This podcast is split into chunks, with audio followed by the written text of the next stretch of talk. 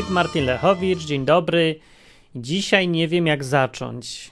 Nie wiem za bardzo jak zacząć, bo nie wiem skąd mi się wziął taki temat dzisiaj do pogadania i dlatego nie mam wstępu. To trochę będzie dziwne, ale chciałem powiedzieć dziś o czymś, co się nazywa po angielsku charity, a po polsku się nie nazywa, bo w Polsce nie ma tradycji tego charity i to się nazywa Pomoc humanitarna? Nie, to bez sensu w ogóle. Dobroczynność, dobroczynność to jest. To, to tak to tyłka brzmi w ogóle, bo to strasznie jakieś takie nadęte, sztuczne. Dobroczynność. Jakieś staropolszczyzna czy co? Charity zresztą też podobnie brzmi. No, ale chodzi o to, że mm, chodzi o problem bezinteresownego dawania. Właśnie nie problem, tylko zjawisko bezinteresownego dawania jednym ludziom czegoś dla drugich ludzi, nie, przez jednych ludzi drugim ludziom, o, bezinteresownego. z powodu tego, że no właśnie nie wiadomo z jakiego powodu. Dużo ludzi mówi, że e, i to taka popularna jest opinia jakaś, taka chyba dominująca nawet, ja nie wiem skąd się wzięła, lobby ateistów taką promuje opinię. W każdym razie ta opinia mówi, że człowiek tak naprawdę nigdy nie robi nic bezinteresownego. No i to jest taka, taka teza samoudowadniająca się bo ona polega na tym, że y, jeżeli uważasz, że robisz coś bezinteresownego całkiem, y, to z tego powodu, już samego tego powodu, że robisz coś bezinteresownego, masz satysfakcję. I ta satysfakcja już jest Twoją nagrodą, więc to zawsze jakiś interes jest. Więc nie da się wymyślić nic takiego, w ogóle takiego przykładu, robienia czegokolwiek, y, z, z czego nic nie masz, bo, bo zawsze masz przynajmniej tą satysfakcję, albo samozadowolenie, albo coś tam, coś tam, wiadomo, nie? Jakieś tam wartości psychologiczne czy inne. No. Więc ja uważam, że takie tłumaczenie jest dosyć głupie, bo to jest taka teoria, którą można podpiąć do wszystkiego i zawsze działa. To, to inaczej z niczego nie wyjaśnia. No to jest tak, jakby przepowiadać pogodę pod tytułem albo będzie deszcz, albo go nie będzie. I, i zawsze masz rację, nie? To, to taka teoria bez sensu i niczego tak naprawdę nie wyjaśnia. No ale ja bym tu przyjął założenie jednak, że są takie rzeczy, które ludzie robią bezinteresownie, i nie licząc z tego, że mają z tego satysfakcję. No dobra, mają satysfakcję, no ale to nie ta satysfakcja jest główną motywacją. Ona jest takim yy, jakimś czymś, co wychodzi przy okazji. Przy okazji jest ta satysfakcja. A nawet jakby jej nie było, to i tak by ludzie to robili dalej. No. I yy, no, zresztą yy, się zastanawiam, z jakich powodów na przykład ludzie dają innym ludziom coś. Dlaczego? Co, co jest tym prawdziwym powodem? Bo ja nie wierzę w taki powód, że to jest satysfakcja jakaś, bo to ta satysfakcja ludzie. Co to za satysfakcja w ogóle? No nie wiem przychodzi do ciebie lump, który śmierdzi ogólnie i tak dalej i chce yy, od ciebie na, na, nie wiem, na piwko albo na jedzenie, tam nie na piwko już, tylko taki, albo taka babcia, no taka babcia jest, no. Jest taka babcia, która ani nie jest szczególnie przyjemna, ani nie, nie ma z nią za bardzo o czym gadać i chce od ciebie i tobie jest żal nagle tej babci i coś jej dajesz całkiem dużego, co, na co musiałeś zapracować, nie? No skądś to masz. Też nie dostałeś od innej babci, tylko zapracowałeś i zasługujesz na to, żeby to mieć. Ale ty jej dajesz za darmo, bo ci się jej zrobiło żal. I to jest naprawdę powód, że się komuś daje, bo nie wiem, chcesz, żeby inny się poczuł lepiej. I to już jest całe wytłumaczenie, po co szukać na siłę tego, że zawsze jakiś powód masz. Tak jakbyśmy, jakby ludzi sprowadzać do tylko takich interesownych podmiotów gospodarczych, którzy robią wszystko wyłącznie kierując się motywacją zysku. A to nie jest prawda. No to nie jest prawda zwyczajnie już. No. Więc yy, już nie, nie ważne dlaczego tak ludzie robią, chociaż może i ważne. Nie, ja tutaj zawsze rozdzielam te dwa przypadki, bo pierwsze, jest grupa ludzi, którzy pomagają innym ludziom, dlatego że, e, że mają jakieś takie od Boga, no zawsze to jakoś łączy się tu z Bogiem, że Bóg ich do tego jakby pcha. Albo że do, uważają, że dostali coś od Boga i chcą jakoś się odwdzięczyć, więc pomagają innym ludziom. Albo dlatego, że że kochają Jezusa na przykład i ten Jezus mówi, on kocha z kolei różnych ludzi i mówi, żeby ich kochać tak jak się kocha jego. Nie? No, takie różne, no rozumiecie o co chodzi mniej więcej. To jest taka koncepcja dosyć znana i nie muszę wam jej tłumaczyć. No, no ale mniej więcej po to to robią albo z takich powodów związanych z Bogiem. I ja to rozumiem, to jest logiczne i sensowne dla mnie, mi się wydaje. Albo na przykład są tacy, i w Biblii to też jest, y, szczególnie Jezus do tego zachęcał, że y, żeby dawać ludziom albo robić coś bezinteresownie po to, żeby mieć nagrodę w niebie. O, i to już jest interesowność i odwoływanie się do interesowności. I jak widać, też nie ma w tym nic złego, no skoro Jezus tak zachęcał, że rób coś, to będziesz miał zysk w niebie. No, ale będziesz miał taki bank inwestycja na przyszłość. No i tak to motywował, żeby tam, gdzie, jeszcze mówił tak, że tam, gdzie jest twój skarb, tam będzie twoje serce, nie? Więc jeżeli będziesz zbierał sobie na lokatę wieczną, to będziesz tam, będzie twoje serce, że tam będą twoje, o tym będziesz myślał, będziesz się tym interesował, o to będziesz dbać. I dobrze, bo czemu nie? Więc no, nie trzeba być nawet interesownym. Jeżeli się ma na względzie właśnie to posłuszeństwo Bogu, jakieś tam Jezusowi, to się wtedy daje. Jeżeli ktoś w to wierzy naprawdę z chęci niecnego zysku dla siebie. No. E, no, i ta motywacja jest całkiem dobra, bo ty masz zysk tam w niebie, prawda? Bóg ci zapłaci, tak jak to Jezus podkreślał, żebyś mówił na przykład taką przypowieść. No, no właśnie, dobra. Więc najpierw e, ty dostaniesz swoje, a ktoś na tym będzie miał pożytek, bo dostanie na przykład na jedzenie, albo na dom, albo na wódkę. Niestety. I dobra, i Jezus powiedział też taką przypowieść, którą sobie warto przypomnieć, że, że nie była do końca przypowieść, tylko taka, taka ukryta, ukryta rada, ukryte. No, miesza z tym, no, sami domyślcie, co to było. W każdym razie opowiedział tak, że jeżeli mm, chcesz kogoś zaprosić na wieczerze, na, na kolację, na wystawną imprezę albo coś, to nie idź do znajomych, bogatych, którzy przyjdą, najedzą się, a potem ciebie zaproszą, bo dostaniesz swoją nagrodę. Nie? A on powiedział tak, że jak chcesz zaprosić, to idź do takich, co się nie mogą odwdzięczyć. Idź do biednych, starych i niekumatych i w ogóle takich różnych ludzi, którzy się odwdzięczyć ci nie będą mogli. I wtedy zrobisz coś naprawdę dobrego i będziesz miał nagrodę w niebie. I tu znowu się odwołuje do tej koncepcji nagroda za coś, co robisz dobrze, y, bezinteresownie, w tym sensie, że ci nikt nie może oddać adekwatnie do tego, co ty dałeś. No. Znaczy, no jak umówmy się, że jak ktoś nie ma co jeść, e, autentycznie w zimie albo gdzie mieszkać, a ty mu dajesz jedzenie i mieszkanie, to to jest dla niego taki, tak wielki pożytek, że w życiu nie, nie będzie w stanie tobie oddać. I ta satysfakcja, którą nawet ty czujesz z pomocy jemu, to jest naprawdę nic przy tym, ile on z tego miał. To nie jest zapłata taka równorzędna, więc to dalej jest, to jest no, no niesprawiedliwe do końca, ale na twoje własne życzenie, nie? Znaczy mówiąc, sprawiedliwie by się należało, że jeżeli ty komuś dajesz e, dom na zimę, którego on by bez ciebie nie miał, to należałaby ci się zapłata adekwatna, czyli tak duża. Nie, ty musiałbyś czuć tak duży pożytek z niej, jaką, jak duży pożytek czuł on. Dla niego to jest pożytek y, taki, że to jest waga życia i śmierci. No.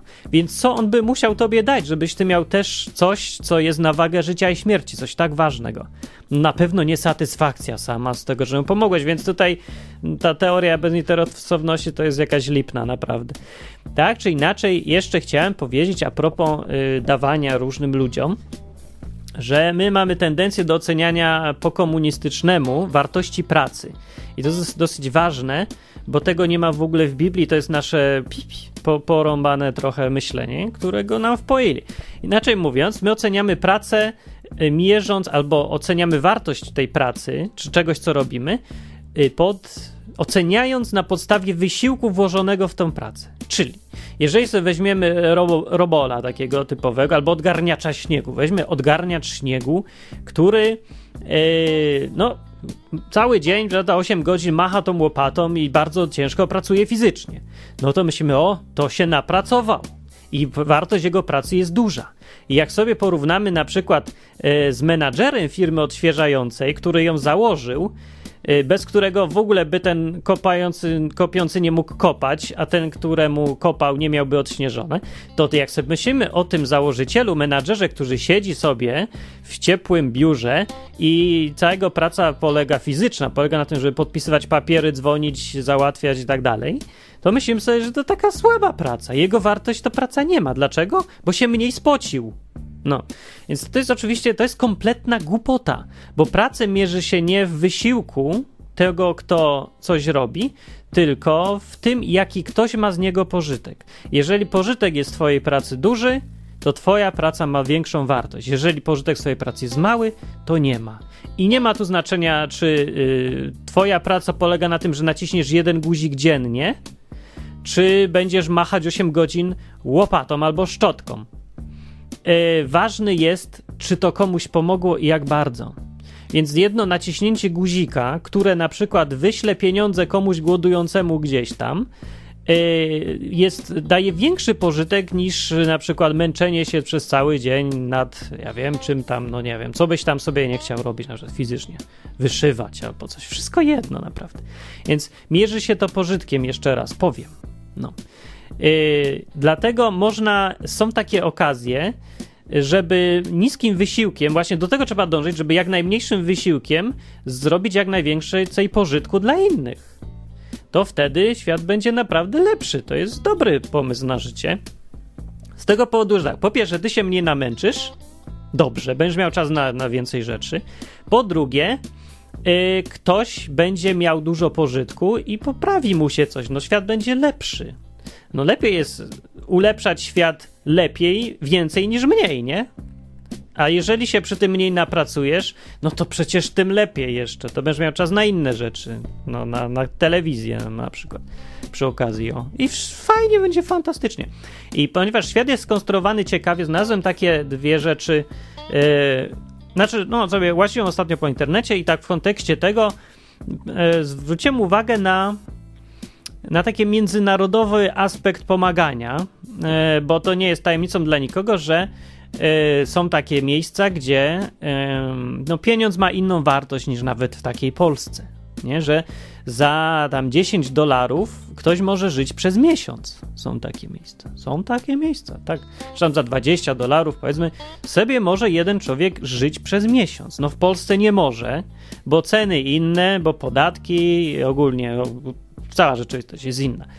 No, ale różnica jest taka, że pomagając ludziom tam, takiemu komuś możemy dużo więcej pożytku zrobić niż pomagając komuś, dając mu 20 dolarów w Polsce. No to to mu dużo nie pomoże, chociaż też.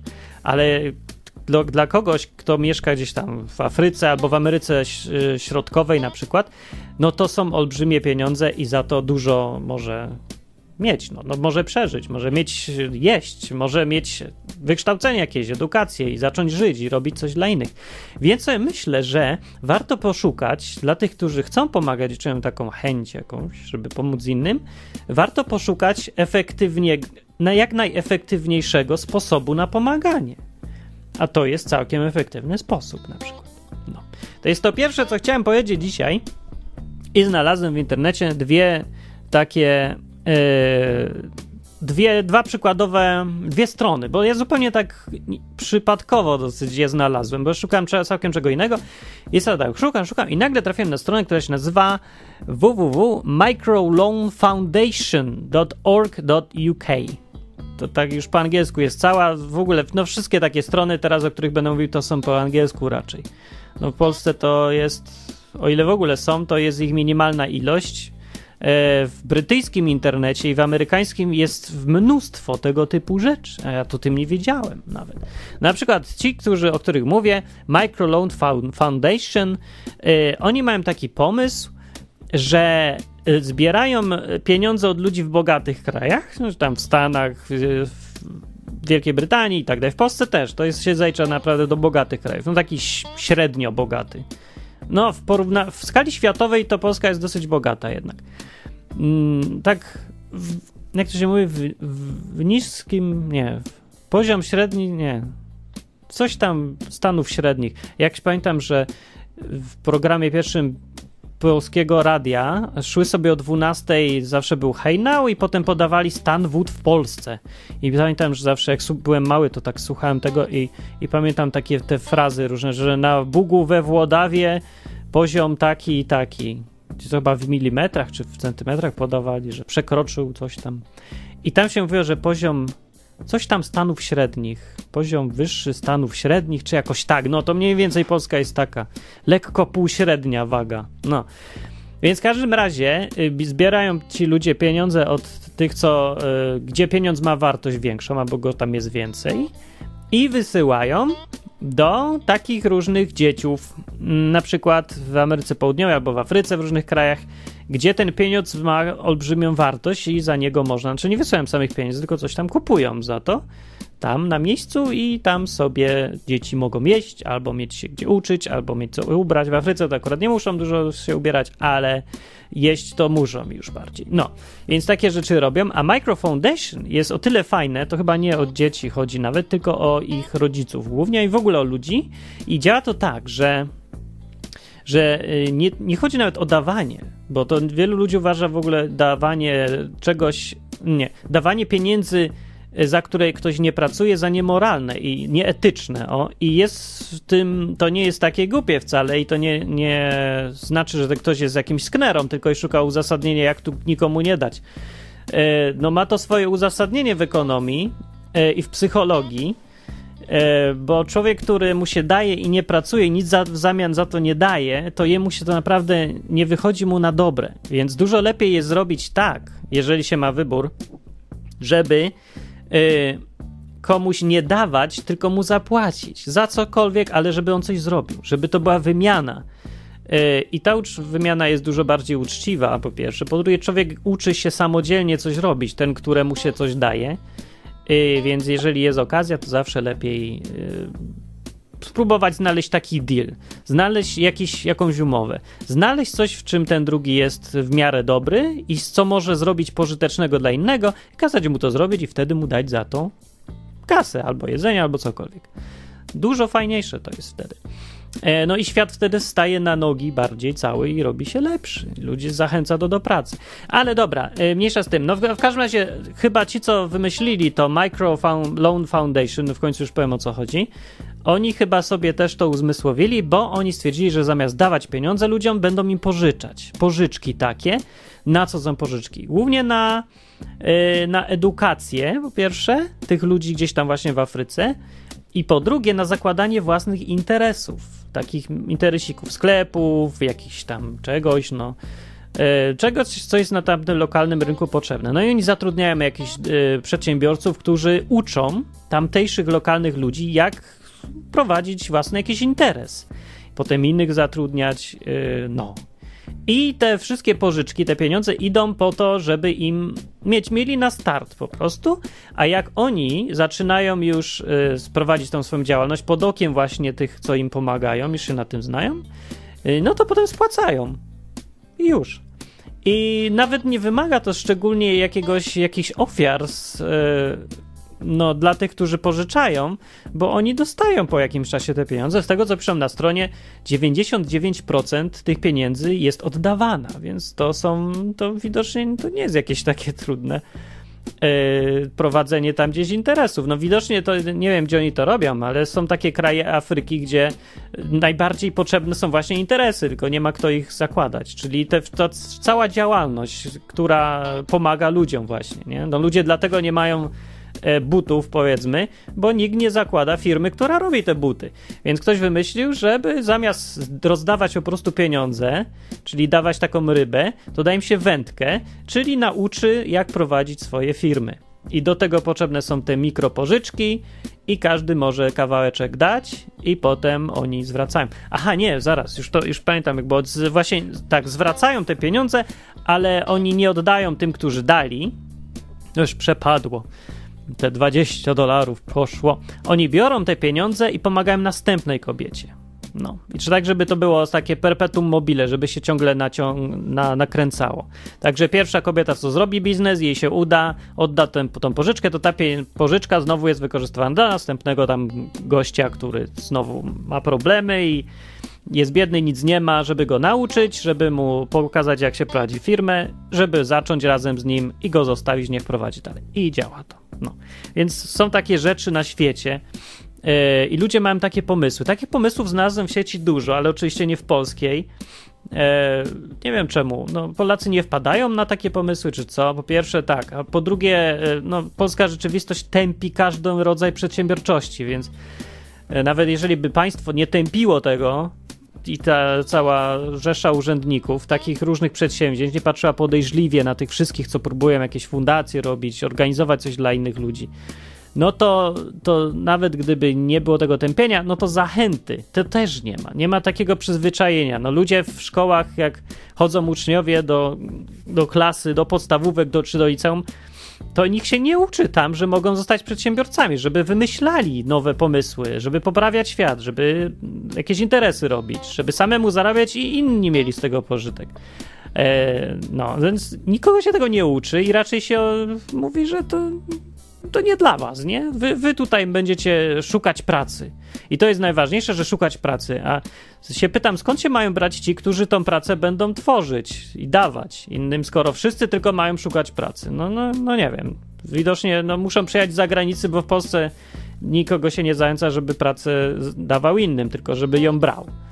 No ale nie wiem, może się coś zmieni przez takie właśnie gadanie jak tutaj moje, albo takie projekty jak Kontestacja, albo jak Odwyk, albo inne, albo na Micro Loan Foundation, albo może dzięki tym ludziom, co wyjechali do Wielkiej Brytanii i widzą, że przedsiębiorczość może być stylem życia też i to jest styl życia alternatywny i że zamiast ludziom wszystkim w Polsce stawiać ich przed oczywistością, że jedyne co mogą robić to szukać u kogoś czegoś, to żeby pomyśleli, że mogą sami coś wymyślać i robić. Są możliwości teraz, dużo jest więcej. No, jeżeli nawet nie w Polsce, to przecież jest, granice są otwarte bardzo luźno teraz, znaczy jeszcze tak średnio luźno, ale są. No i da się, da się. Trzeba się pomęczyć, ale się da. No, to to jest jedna taka rzecz, którą znalazłem, która wykorzystuje właśnie ergonomię i ten, e, ten efekt różnic międzynarodowych, no w tym, że jeden kraj są bogatsze, drugie mniej, do pomagania efektywnie. No. I znalazłem też takie, taką stronę, się nazywa Liberty Foundation org.uk. Liberty Foundation org United Kingdom. I to jest dosyć popularna rzecz na zachodzie, w Stanach i znowu w Wielkiej Brytanii głównie, pod tytułem Sponsor a Child. Sponsorowanie dziecka. Sponsorowanie dziecka jest kilka stron znalazłem. Na tej właśnie jest, yy, sponsoruje się dziecko z Malibu czy z Belize. Nie z Malibu. Belize, Belize. Nie wiem, jak się to w ogóle czyta. To jest kraj na Karaibach. Tada! No i możesz sobie, znaczy Karaibach, ale jest biedny dosyć. W Ameryce Centralnej jest on, Ameryka Łacińska, taka te obszary, to tam raczej biednie. Swoją drogą ciekawe czemu, nie? Dziwnie się to zrobiło w ciągu historii, że e, no dobra, mniejsza z tym. Nie wchodźmy w za dużo wątków naraz. W każdym razie na Liberty Foundation możesz sobie sponsorować dziecko. Więc sponsorowanie się kojarzy w Polsce bardzo dziwnie, ale w Polsce to się wielu osobom rzeczy dziwnie kojarzą, więc zostawmy tych zboczeńców na boku i powiedzmy sobie, że sponsorowanie dziecka polega na tym, że ty po prostu yy, płacisz na dziecko. Tada, takie dobrowolne alimenty yy, dla i w dodatku nie twojego dziecka. No, ale te alimenty wynoszą tam, od, wynosić od 10 funtów na miesiąc i ty co miesiąc te 10 funtów wysyłasz tej tutaj organizacji, a ona je za to utrzymuje dziecko, no, gdzieś tam w Belize. No i co masz sobie wybrać, czy to ma być.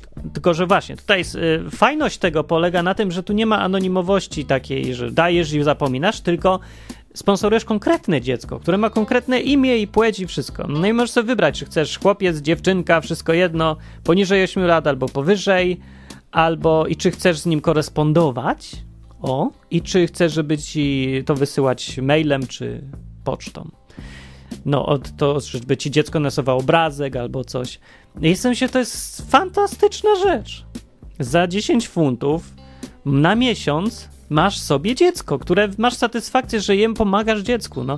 Że twoje pieniądze, które i tak zostaje ci 30% tutaj po odliczeniu wszystkich podatków, te, które zarabiasz sobie jakoś skądś masz, mogą zrobić więcej dobrego gdzieś tam w Belize niż y, byłbyś w stanie zrobić w Polsce. No bo żeby w Polsce utrzymać dziecko, no to trzeba by wydać no, dużo więcej no, niż 10 funtów.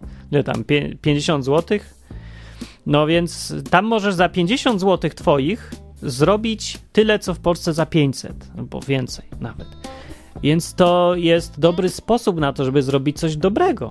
I to w dodatku masz taką właśnie, ta satysfakcja jest fajna, bo ty widzisz, że to jest prawdziwe, żywe dziecko. Masz zdjęcie i tak sobie myślę, że fajnie by było właśnie, żeby dać dobry przykład też, żeby odwyk zasponsorował jakieś dziecko sobie i mielibyśmy takie dziecko odwykowe, które odwyk sobie ma i które y, będzie taką, no nie maskotką odwyku. Nie, no nie maskotką, ale takim fajnym dzieckiem, które sobie będzie na stronie i mówię, hej, hej, hej, ja jestem tym dzieckiem w Belize i mam na imię jakiś Mahmud albo tam Talib albo ktoś tam, ja nie wiem jak się te dzieci nazywają i, i no i ten. I dzięki temu, że istnieje taki odwyk, to ja sobie mogę żyć. Fajne to jest, po prostu jest coś w tym tak fajnego, że, że no nie wiem. No ja myślę, że częścią życia, taką integralną częścią życia, takim jednym z powodów, żeby żyć, powinno być służenie innym. Właściwie dla uczciwego człowieka nawet praca jest służeniem innym i powinna być tym właśnie. I na tym też polega piękno kapitalizmu, co to tak dziwnie brzmi może w programie o Biblii, ale to prawda. Na tym polega to piękno, że kapitalizm wynagradza cię za to, że ty służysz innym. Że inaczej mówiąc, masz robić to, co Jezus kazał. Na tym polega kapitalizm. Masz innym dawać coś dobrego, a oni ci za to płacą z własnej woli. Z własnej woli i bez przymusu. No, yy, więc im więcej robisz dobrego, tym bardziej jesteś za to nagradzany. To jest fantastyczne, tak, że to tak działa. Więc bardzo mi się to podoba, ale jeszcze większą rzeczą niż yy, nawet prowadzenie no, interesu jest dawanie komuś bez zysków też. Właściwie to jest robienie tego samego, co i, co i prowadzenie jakiejś firmy, w której też coś jakieś produkujesz i dajesz komuś coś dobrego. Ale tutaj nie bierzesz za to zapłaty i masz nagrodę w niebie. Taka inwestycja. No i rysunek jeszcze masz od tego, który ci narysował dziecko z Belize. No i niestety problem tego mam techniczny taki, bo nie mam konta w banku w Wielkiej Brytanii i nie mogę nic tam wysyłać niestety, ale do nich napiszę, to może będą chcieli PayPalowe. No to możemy sobie jako słuchacze odwyku adoptować dziecko. Tfu, nie adoptować, tylko sponsorować dziecko. Sponsorujmy dziecko? Co myślicie o tym? Tylko niech mi ktoś założy konto w Wielkiej Brytanii, albo, albo może ktoś ma, to zrobimy jakoś tak, że o, ja będę wysyłał na to konto, a ktoś będzie ten i będzie spokój. Będzie fajnie. I dziecko będzie szczęśliwsze, a my będziemy mieli fajniej. No. Co jeszcze rzec chciałem? Aha, co do, e, jak już mówię o tym, e, o tych charytatywnych różnych przedsięwzięciach, to ja chciałem.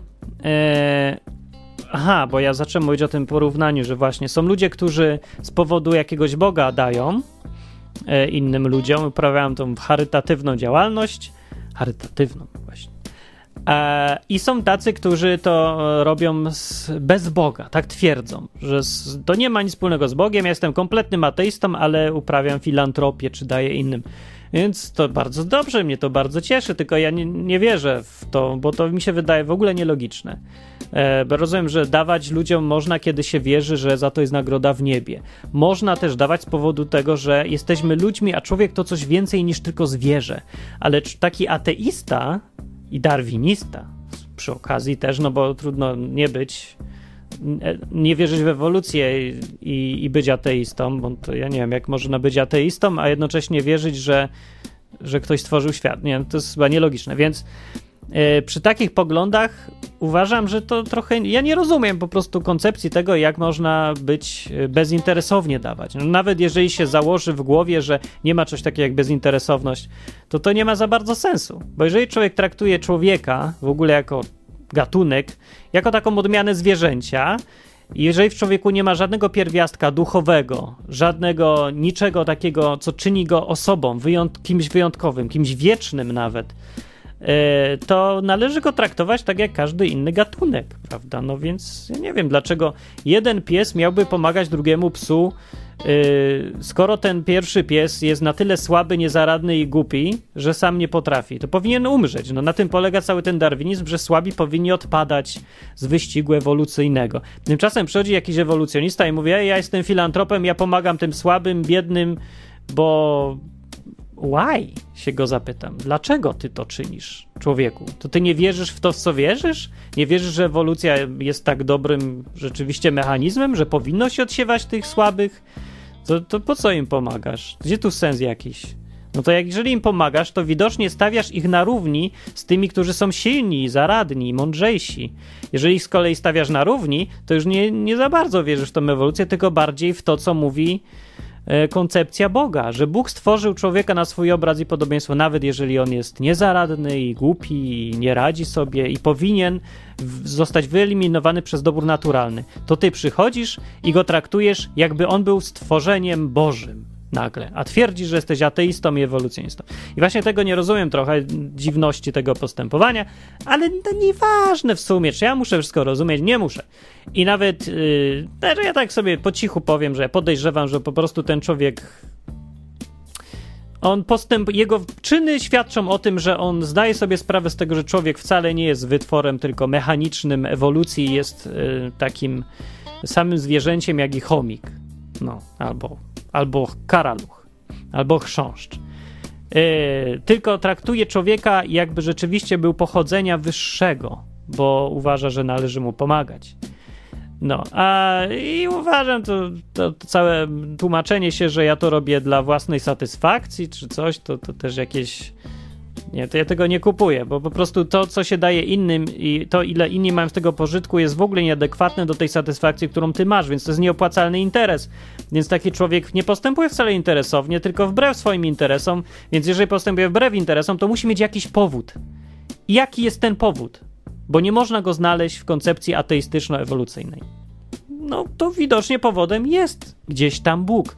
Nawet jeżeli ktoś sobie twierdzi, że jest ateistą, nie wierzy w tego Boga, ale postępuje tak, jakby ten Bóg był, to właściwie świadczy o nim bardzo dobrze. Powiem więcej, fantastycznie mi świadczy. Świadczy o nim lepiej niż o większości tych wszystkich e, świętoszków, którzy chodzą do kościoła, przestrzegają zasad religijnych, a zachowują się z kolei tak, jakby byli ateistami, ewolucjonistami, bo mają wszystkich gdzieś oprócz siebie samych. To tak się dziwnie wygląda, że świat jest odwrócony do góry nogami.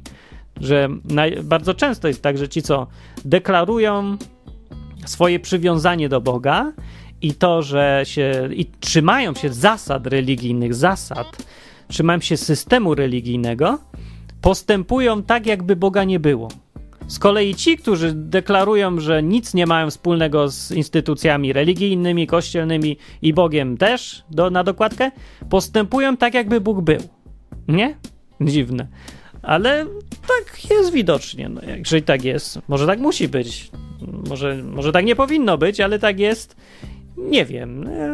Tak czy inaczej, ja sobie, tak jak chyba wszyscy, ja cenię dużo bardziej ludzi, którzy postępują zgodnie z tym, co Bóg chce, niż. A deklaracje wszystkich to.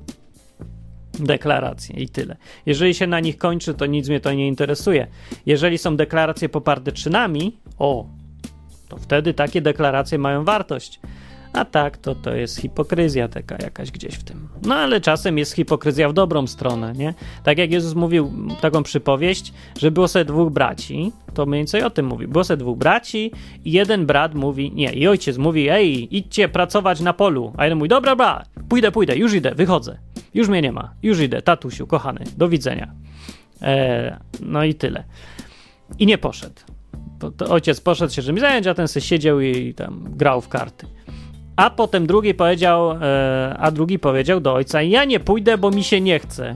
W ogóle ja uważam, ta praca jest do dupy, a w ogóle nie, ja się nie pisałem na to, żeby pracować po I powiedział, nie pójdę. No.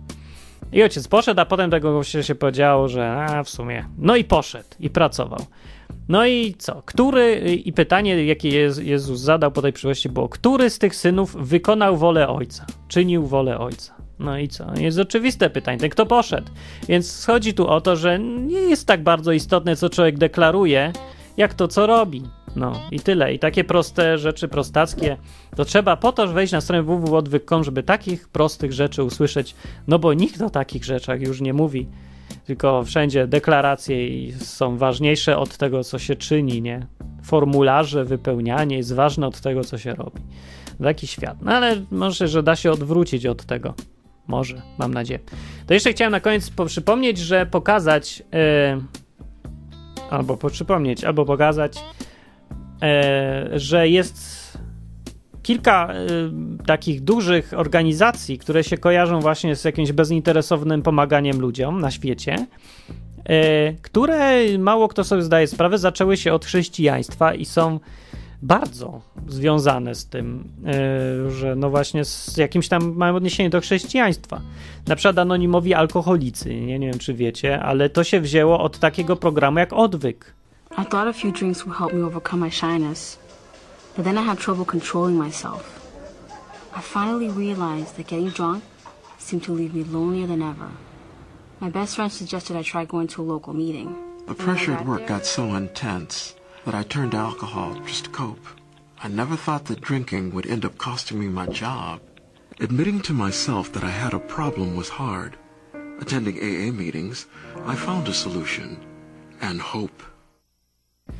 E, eh, na polskiej Wikipedii tego nie znajdziecie, ale na angielskiej możecie sobie znaleźć całą historię tego, jak to się zaczęło. A zaczęło się od tego, że gdzieś w roku 1935 tak, istniała sobie grupa, która się nazywała The Oxford Group.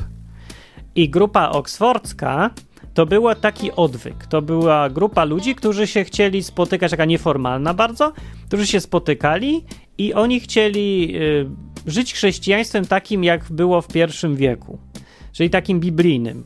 Nie, więc takim e, bez tego instytucjonalizowania takiego, yy, tylko no taka prostota z Biblii. Nie? Mniej więcej. I oni mieli taką grupę, i którą oparta była na relacjach mniej więcej, z tego co ja to rozumiem. No i w tej grupie był sobie człowiek, który y, dużo był pił wcześniej, a potem się nawrócił, poznał Jezusa, jakoś stwierdził, że osobisty związek z nim jest ważny tutaj i to jest istotą chrześcijaństwa i on tak się w ten sposób więc się wziął i nawrócił i przestał pić, nie? I potem stwierdził, że na tej grupie oks oksfordzkiej doszli do wniosku ludzie, zgodnie zresztą z Biblią, że jak ktoś się już tak sam nawrócił, poznał tego Boga osobiście, to powinien mówić innym. No i poszedł, powiedział e, innym i konkretnie powiedział komuś, kto się nazywa Bill Wilson i to był jego kumpel od kieliszka.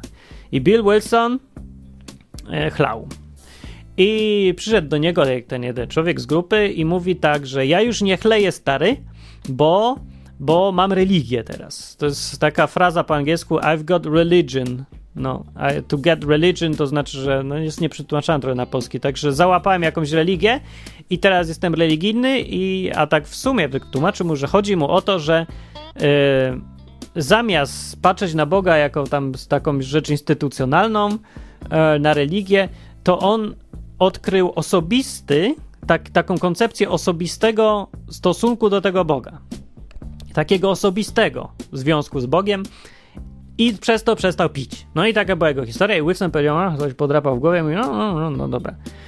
E, no i on wziął i e, ten Wilson stwierdził, że jego to przekonuje. Jakoś go tam przekonało, ja nie wiem jak to było, co mu dokładnie powiedział, ale go to przekonało i postanowił, że nie będzie pił.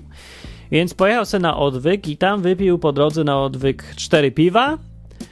I co się później okazało, były to jego cztery ostatnie piwa w życiu. I na tym odwyku odwyku swoją drogą, no tak, na tym odwyku, takim prawdziwym odwyku, no miał szczególnie kryzysowy moment, takiego kompletnego kryzysu i wtedy w tym najgorszym momencie on twierdzi, że poznał Boga, że mu się pokazał Bóg, że zobaczył światło, że coś tam usłyszał, nie wiem. No w każdym razie miał jakieś doświadczenie osobiste z kontaktu z Bogiem i musiało to być tak silne coś, że yy, no, wywróciło jego życie już do reszty całkiem już i przestał pić, przetrzymał cały odwyk, i strasznie miał ochotę mówić znowu innym o tym. To jest dosyć naturalne zjawisko, nie po czymś takim, że tak był zadowolony z tego, że można takiego Boga osobiście poznać, w ogóle przestać pić.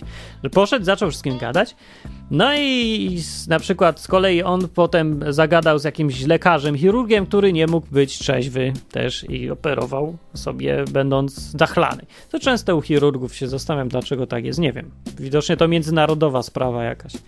No i ten e, chirurg, no i to, tak poszło sobie dalej, nie? Zaraźliwe było. I ten chirurg, i ten Wi William, tak? Jak się nazywa? Wilson, Wilson, Wilson? A, nie wiem jak on się nazywa już teraz zapamiętam. Tak, Bill Wilson. No ten Wilson i ten chirurg, dr William Duncan Silkworth się nazywał. Oni założyli anonimowych alkoholików. No, po jakimś czasie, a założyli ich dlatego, bo się coś nie mogli dogadać z tą grupą oksfordzką.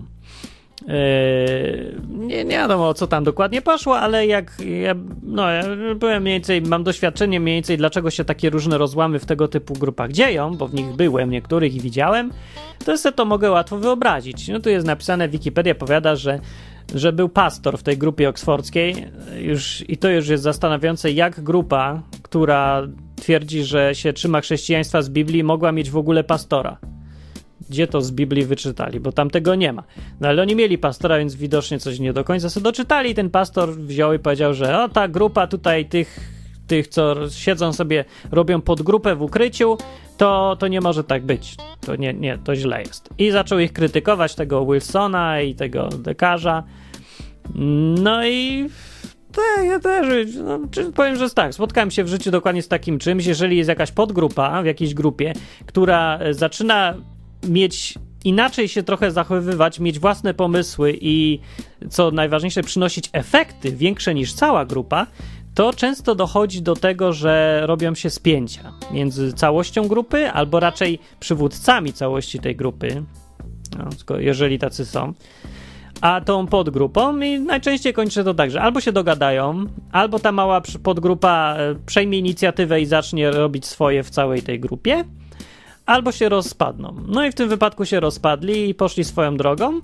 I se grupa oksfordzka zginęła w mrokach niepamięci. Ja nie wiem, co oni teraz czy w ogóle są. A ta anonimowi alkoholicy są słynni na cały świat. No z tego widać, którzy mieli rację w tym, jak postępowali, jak którzy się mylili. No w każdym razie po latach powiedzieli ci założyciele, że. Yy, że jednak dużo zawdzięczają grupie oksfordzkiej, założyciele anonimowych alkoholików, że tej grupie oksfordzkiej za, zawdzięczają wiele i nauczyli się jak, jak prowadzić takie rzeczy i jak ich nie prowadzić też się nauczyli i to też im zawdzięczają, więc można się uczyć ze wszystkiego. W każdym razie zaczęło się to od chrześcijaństwa i i anonimowi alkoholicy to jest właściwie oni, to jest grupa bardzo chrześcijańska, ale ona jest taka bardzo e, z daleka od wszelkiego rodzaju instytucji, czy taki trochę odwyk. 12 kroków jest w każdej grupie anonimowych alkoholików, które, w których połowa się odnosi do Boga co chwilę. I tłumaczenie na polski tych 12 kroków brzmi tak. Przyznaliśmy, że jesteśmy bezsilni wobec alkoholu, że przestaliśmy kierować własnym życiem. Pierwszy punkt. Drugi. Uwierzyliśmy, że siła większa od nas samych może przywrócić nam zdrowie. Siła większa od nas samych, po angielsku to brzmi no tak, to zdecydowanie widać, że odnosi się to do Boga. Po polsku tego nie widać, no ale to wszystko jedno, bo to chodzi właśnie o to, żeby nie narzucać jakichś e, szablonowych nazew, nazewnictwa szablonowego takich, wiecie, koncepcji. Ale o to chodzi. W trzecim punkcie już widać dokładnie. Postanowiliśmy powierzyć naszą wolę i nasze życie opiece Boga, jakkolwiek go pojmujemy. I cztery. Zrobiliśmy gruntowny i odważny obrachunek moralny. Pięć. Wyznaliśmy Bogu, sobie i drugiemu człowiekowi istotę naszych błędów. 6 staliśmy się całkowicie gotowi, aby Bóg uwolnił nas od wszystkich wad charakteru. Bóg. Nas, alkoholików. To jest, to jest grupa taka religijna właściwie, albo duchowa. To Bóg uwalnia anonimowych alkoholików według tego, co tu piszą też. No i 6, e, tak, 7. Zwróciliśmy się do Niego w pokorze, aby usunął nasze braki. No i tam dalej do 12 aż leci. Więc yy, takie rzeczy się wzięły, jak widać, z odwyku. No, odwyk taki był. W ich wypadku anonimowi alkoholicy to jest taki odwyk, odwyk. Taki naprawdę odwyk, taki odwyk jak to, co ja tutaj gadam, plus. Yy, no, plus szczególne odniesienie do problemu alkoholu. Właściwie, jakby tak wziąć te 6, 6 czy 7 punktów pierwszych y, z, tego, z tych 12 kroków, to można by streścić właściwie to, co jest istotą chrześcijaństwa, tylko zamiast Bóg się tam podstawi Jezus i właściwie to jest stuprocentowe chrześcijaństwo. Na tym właśnie polega, na tym, żeby uznać po pierwsze, że jesteśmy bezsilni wobec alkoholu, albo ogólnie grzechu, każdego, wszystkiego, co nas niewala, no, y, że przestaliśmy kierować własnym życiem. No. Dwa, uwierzyliśmy, że siła większa od nas samych może przywrócić nam zdrowie. No, prawie to samo, tylko że tutaj jest sprecyzowane na alkohol. Trzy, postanowiliśmy powierzyć naszą wolę i nasze życie opiece Boga, jakkolwiek go pojmujemy. To jest dokładnie chrześcijaństwo, z tym, że w chrześcijaństwie już wiemy, jak go pojmować. I, e, I konkretnie powierzyliśmy naszą wolę i opiecę Jezusowi, temu konkretnie Mesjaszowi. E, no, a reszta to jest właściwie chrześcijaństwo. I co ciekawe, to działa. No, grupy anonimowych, anonimowych alkoholików są, dlatego właśnie są wszędzie na świecie, bo działają. Zresztą działają dlatego, że nie są zinstytucjonalizowane, tylko się opierają na ludziach. To jest to też do czego ja zawsze zachęcam na odwyku, żeby łączyć się w grupy jako ludzi, a nie jako członkowi jakiejś organizacji. O to mi chodzi. No. I anonimowi alkoholicy tak właśnie działają i to pewnie dlatego działają tak dobrze. Bez tego by pewnie nie działali. Ja w ogóle nie znam jakichś grup y, terapeutycznych, czy nawet Monar, czy jakieś inne. Y, no nie znam takich grup, które by były skuteczne, ale, ale byłyby instytucjonalne jednocześnie. Inaczej mówiąc, żeby być skuteczne, to takie grupy muszą, musi w nich być więź osobista między ludźmi. Silna bardzo więź osobista. I tutaj też jest w anonimowych alkoholikach. I w ogóle kościół taki powinien być, uważam. No i prawdziwy kościół, taki kościół z Biblii. No i się kompletnie nie zgadzam z tymi wszystkimi, którzy twierdzą, że kościół musi być instytucjonalny, bo co by to było? No co by było? No fantastycznie by było właśnie, gdyby taki nie był. Gdyby Kościół to byli po prostu ludzie związani ze sobą przyjaźnią i wspólnymi poglądami na temat Boga, którzy się lubią spotykać i pomagać sobie yy, i którzy pozwalają Bogu działać w nich i przez nich też, wspólnie też. O. To jest cała definicja kościoła, jak dla mnie, ale to jest, mówię, moja, każdy może mieć inną. Możemy sobie o tym pogadać, zwłaszcza w nocach na odwyku jutro. No i myślałem, że powiedzieć jeszcze o paru innych rzeczach, ale więcej w sumie nie powiem, e, bo to jest akurat dobry czas, żeby moment, żeby skończyć odcinek. I co do tej charytatywności, tylko na koniec powiem, że e, ludzie często się boją być, e, znaczy no, robić takie różne rzeczy charytatywne dla innych, nie dawać innym, z powodów w Polsce dwóch takich. Po pierwsze, dlatego, że istnieje, e, no taka rzecz ma taką dumę jakby i nie chcemy jej urazić, dając komuś coś za darmo. I to jest dosyć zrozumiałe i trudne do przeskoczenia, zwłaszcza w kraju takim jak Polska. Zresztą wszędzie to jest taki sam problem, E, bo to jest, jest trudno jest naprawdę przyjąć coś za darmo. Jest dużo ludzi, którzy są biedni, ale oni jałmużny nie chcą. I to nie jest jakaś ich głupia duma, jak niektórzy im zarzucają, to jest godność człowieka. To nie jest nic z tym głupiego. To jest coś, co należy szanować. Tacy ludzie za to chętnie y, umówią się z tobą na jakąś pracę i coś ci dadzą w zamian za, ty, za to, że ty im zapłacisz. Y, coś, co w ich poczuciu będzie też sprawiedliwe. E, czyli no jak ty im dasz pół miliona złotych, a on ci narysuje za to obrazek, to, to dla niego nie będzie sprawiedliwe i to będzie też dla niego jakaś dalej jałmużna. No ale wiecie o co mi chodzi? To jest problem i no jego trzeba jakoś rozwiązywać tam, no jakoś fajnie. No nie wiem, da się czasem to przeskoczyć po prostu fajną życzliwością, że y, takim postawieniem sprawy, że no ja tobie dziś pomagam, ty mi jutro pomożesz, nie ma problemu, to nie jest żadna tam jałmużna, no, albo to jest pożyczka.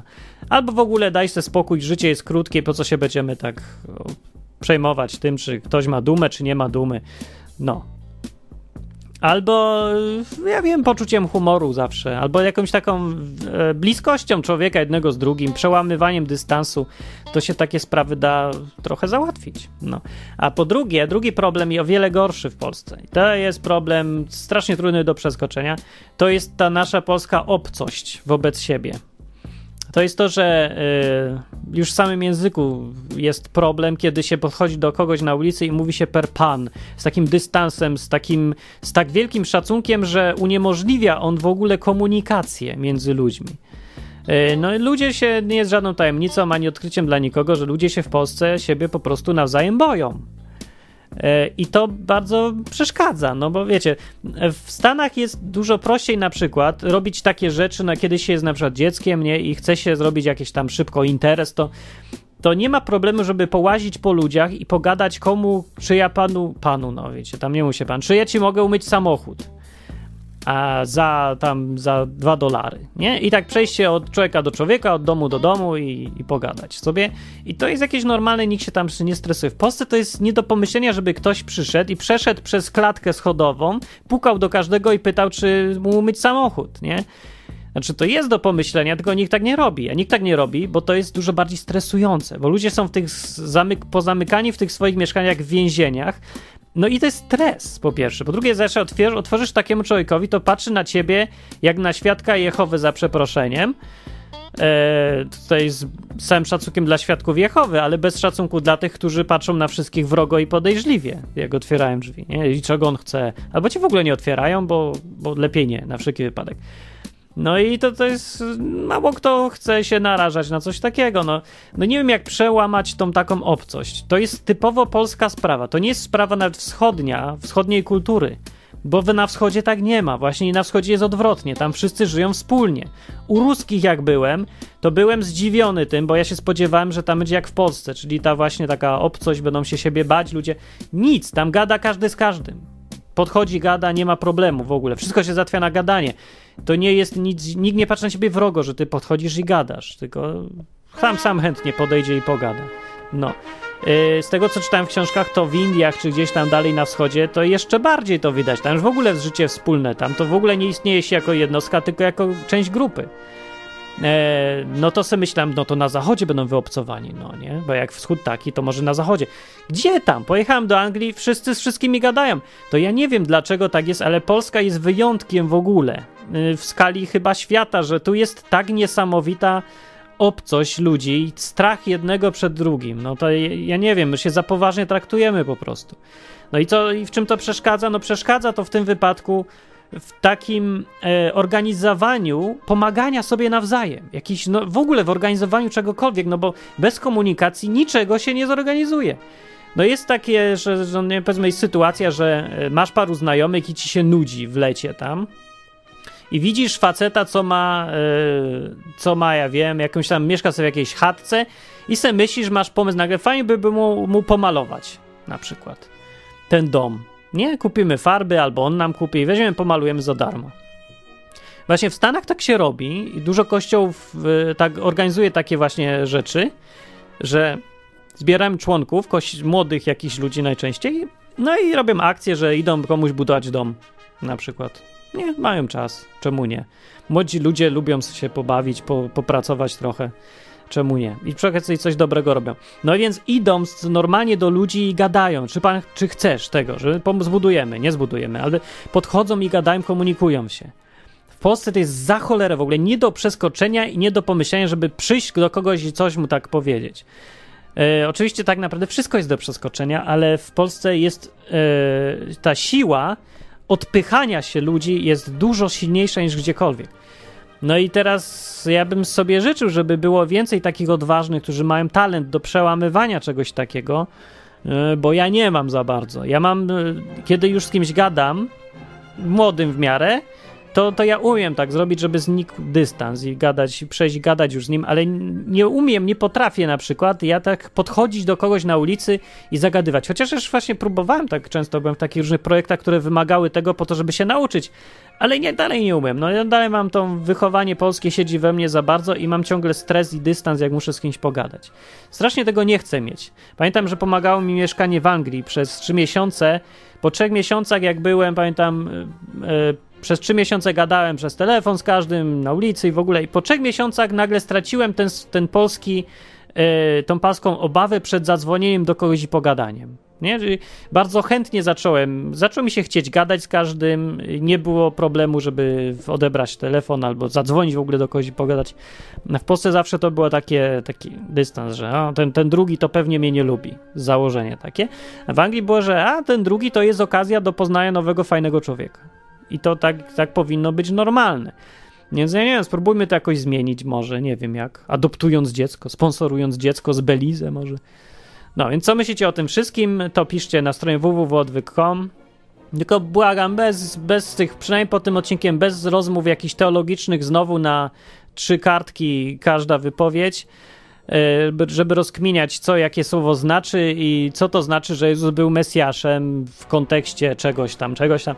Tylko nie wiem, może coś praktycznego w tym wypadku. Nie, może ktoś ma pomysł fajny, jak zorganizować coś komuś na święta. Nie? Często jest właśnie jest dużo rzeczy, które drobnych rzeczy fajnych, które możemy zrobić. Na przykład właśnie pomóc komuś pomalować dom albo różne takie. Tylko gdybyśmy o tym wiedzieli, że ktoś potrzebuje, y, gdyby on wiedział, że ktoś mu chce pomóc, by się dało, nie? No i dlatego tym bardziej ceni są w Polsce tacy ludzie jak Owsiak na przykład, którzy potrafią przełamać te wszystkie dystanse, zorganizować, połączyć jednych z drugim I wtedy już wszystkim innym jest łatwiej. Dzięki takim ludziom, przełamywaczom lodów, lodołamaczom, inni mogą y, łatwo sobie pomagać nawzajem. I to jest bardzo fajne. No, y, i oby więcej takich ludzi. Także właśnie tutaj duży szacun dla Owsiaka, bo bez jego lodołamacza tego to by nic nie było, żadnych orkiestr świątecznych pomocy ani nic takiego. No, e, a potem to już się podpiąć łatwo, no ale potrzeba więcej takich lodołamaczy.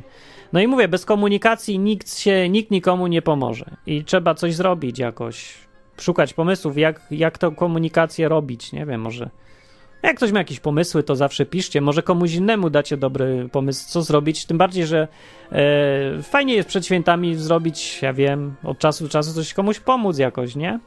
E, żeby te święta jakiś chociaż resztkę sensu miały, a nie były tylko obżeraniem się i oglądaniem Kevin sam w domu, w telewizji. Tylko żeby, wiem, coś tam drobnego zrobić. A jako minimum wysiłku naprawdę, to dla tych, którzy mają 10 funtów na miesiąc, to polecam zasponsorować sobie jakieś dziecko w kraju, gdzie, który jest dużo biedniejszy niż Polska. Bo wtedy choćby, chociaż poczujemy, że te nasze pieniądze, które nam łaskawie jeszcze zostają, bo nam łaskawie zostawiają te urzędy i państwo, to one mają jeszcze taką siłę, że mogą komuś pomóc. Yy, bardzo, nawet bardzo. Więcej niż byśmy myśleli, że są w stanie pomóc. No. To tyle na ten temat. Zostawiam Was z Waszymi myślami, ze stroną www.odwyk.com i z komentarzami.